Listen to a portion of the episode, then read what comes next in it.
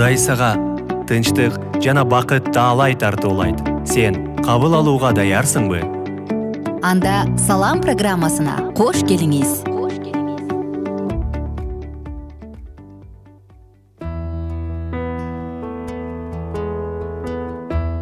Амансызбы бурадарым? Сиздер менен кайрадан биз амандашып ушул сонун подкастты баштадык. Бүгүнкү подкаст салам деп аталат дагы сизге ааламга жакыныңызга үй бүлөңүзгө тынчтык каалап эң сонун аруу тилектер менен келдик.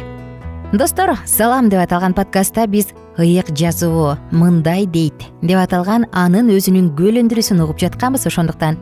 Бизден алыстабаңыздар алдыдагы мүнөттөрдө сиздерге керектүү сонун маалыматтарды бөлүшүүгө даярбыз. Кызыктын баардыгы алдыда деп кепилдик беребиз. Ошондуктан бизден алыстабаңыздар.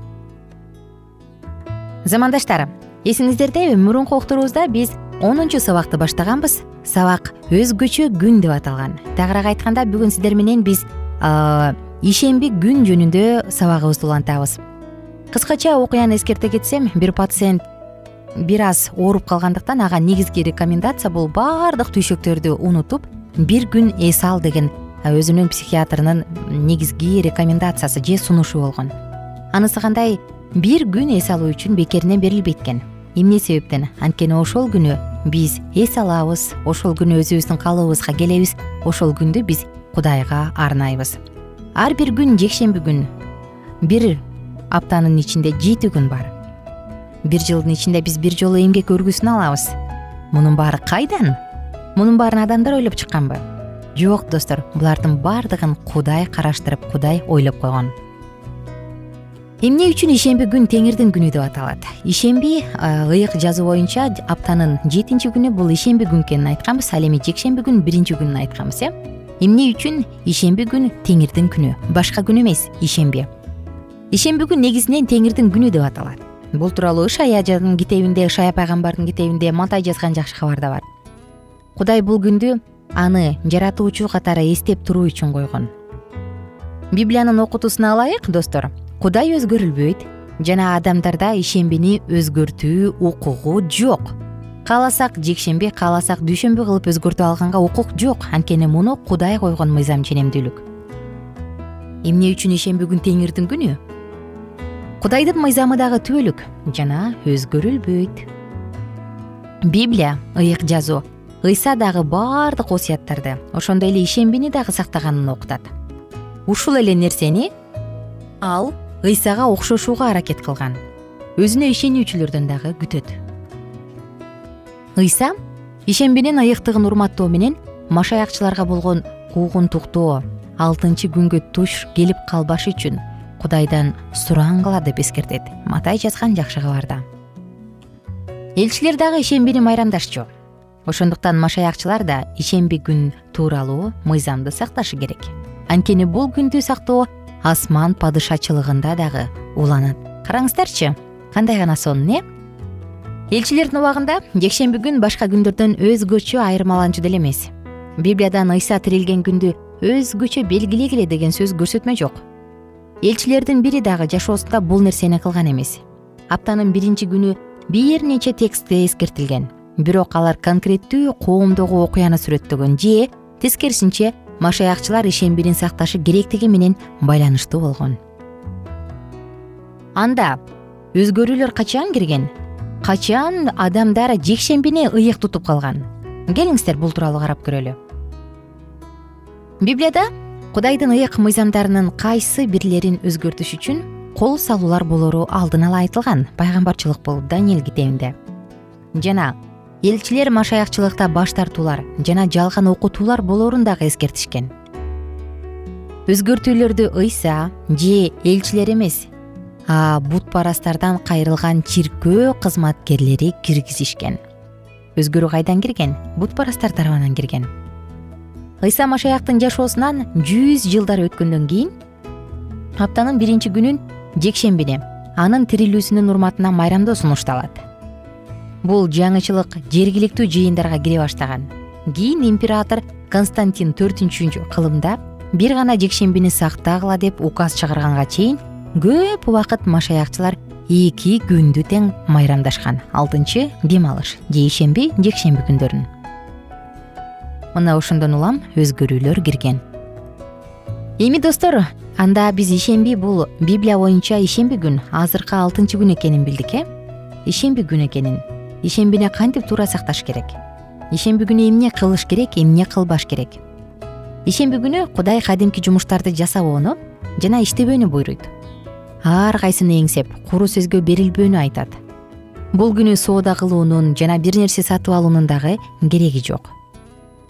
Албетте бул өзгөчө учурларга гана тиешелүү эмес. Мисалы адам жыйынга бара жатып жол акысын төлөш керек болсо же ыйса сүрөттөп берген күтүүсүз жагдайлар сыяктуу учурларда бул болот.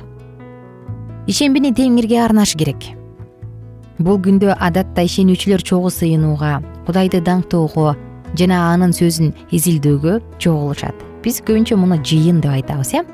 Ошондой эле ишембиде күчкө энергияга толуш үчүн эс алууга дагы болот. Анткени шаббат деген сөз которулганда эс алуу дегенди түшүндүрөт. Анан албетте ишембиде жакшы иштерди жасоого болот. Ишембилик кызмат кандайча өтүшү керек? Келиңиздер карап көрөлү. Ишемби күндүн борбордук бөлүгү болуп кызмат саналат. Ал эртең менен болот жана ыйык жазууну изилдөөдөн тагыраак айтканда библиялык сабактан башталат. Андан кийин насаат сөз айтылат. Ишенүүчүлөр ырдайт сыйынат ыйык жазууну окууга катышат. Күндүн экинчи жарымы эс алууга руханий китептерди окууга сыйынууга жаратылыш менен баарлашууга жакшы кабар таратуу кызматына арналат. Ишенгенден соң баягы чоң адамдар менен жаштар бири бирине конокко барса болот үйүнө кошумча жыйындарды өткөрөт руханий китептерди гезиттерди таратышат ар кандай миссионердик иш чараларга катышат. Теңирдин күнү дүйнөлүк көңүл ачууларга бай майрам эмес. Бул күн сүйүүдө жана кудайга ишенүүдө өсүүгө арналган өзгөчө күн. Кеңеш айталычы анда мен эмне кылышым керек десеңиз кудайдын мыйзамына баш ийгиңиз келсе анда теңирдин күнүн ишембини ыйык тутуу биринчи кезекте. Ишембини ыйык жазуу окуткандай сактоого аракет кылуу. Кантип десеңиз чыгуу мисирден чыгуу мыйзамды кайталоо китептерин ышая пайгамбардын китебин окуңуз. Адамдарга караганда кудайга көбүрөөк баш ийүү зарыл. Мынакей достор дал ушул сунуштарды аткаруу менен сиз өзүңүздүн жашооңузду туура нукка бура аласыз. А эң башкысы жаратуучу кудай сизге дайыма колун сунуп мына мен мен сага жардам берүүгө даярмын деп турат. Ага кол сунуңуз. Жеке сыйынуу үчүн ойлор менен бөлүшө кетели. Ишемби күн жөнүндөгү сенин өзгөчө осуятыңдын маанилүүлүгүн ачып берчи кудайым. Аны сен каалагандай сактаганга жардам берчи деп жаратуучуга жөнөкөй сөздөрдө кайрылсаңыз болот. Сизди кызыктырган баардык суроолорду whatsapp номерине жазыңыз. Биздин сандар плюс бир үч жүз бир жети алтымыш алтымыш жетимиш. Плюс бир үч жүз бир жети алтымыш алтымыш жетимиш. Дагы бир жолу ушул саатыбыздын соңку мүнөттөрүндө айта кетейин. Ишемби күн бул ишемби күн ыйык жазуудагы алтынчы күн баардык жумуштарды аткарып бүтүп жетинчи күнү кудайдын эс алган күнү. Ошол себептен бул күнү азыркы алтынчы күнү ишемби күнү адамдар эс алышы керек. Орус тилинде среда гана эмес немис тилинде митте деген дагы ортодо деген сөздөн келип чыгат. Ошондуктан жекшемби биринчи күнгө жылат ал эми ишемби жетинчи алтынчы жетинчи күнгө жылат биздин сабактар менен кененирээк ал китап чекит медиа сайтынан таанышыңыз.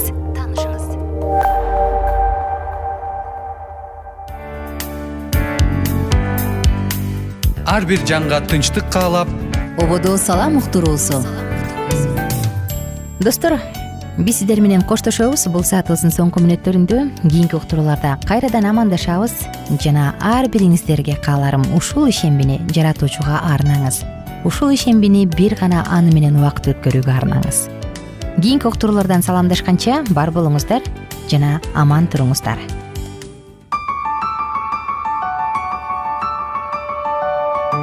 Бир гана кудай чыныгы тынчтык берет. Ободо салам уктуруусу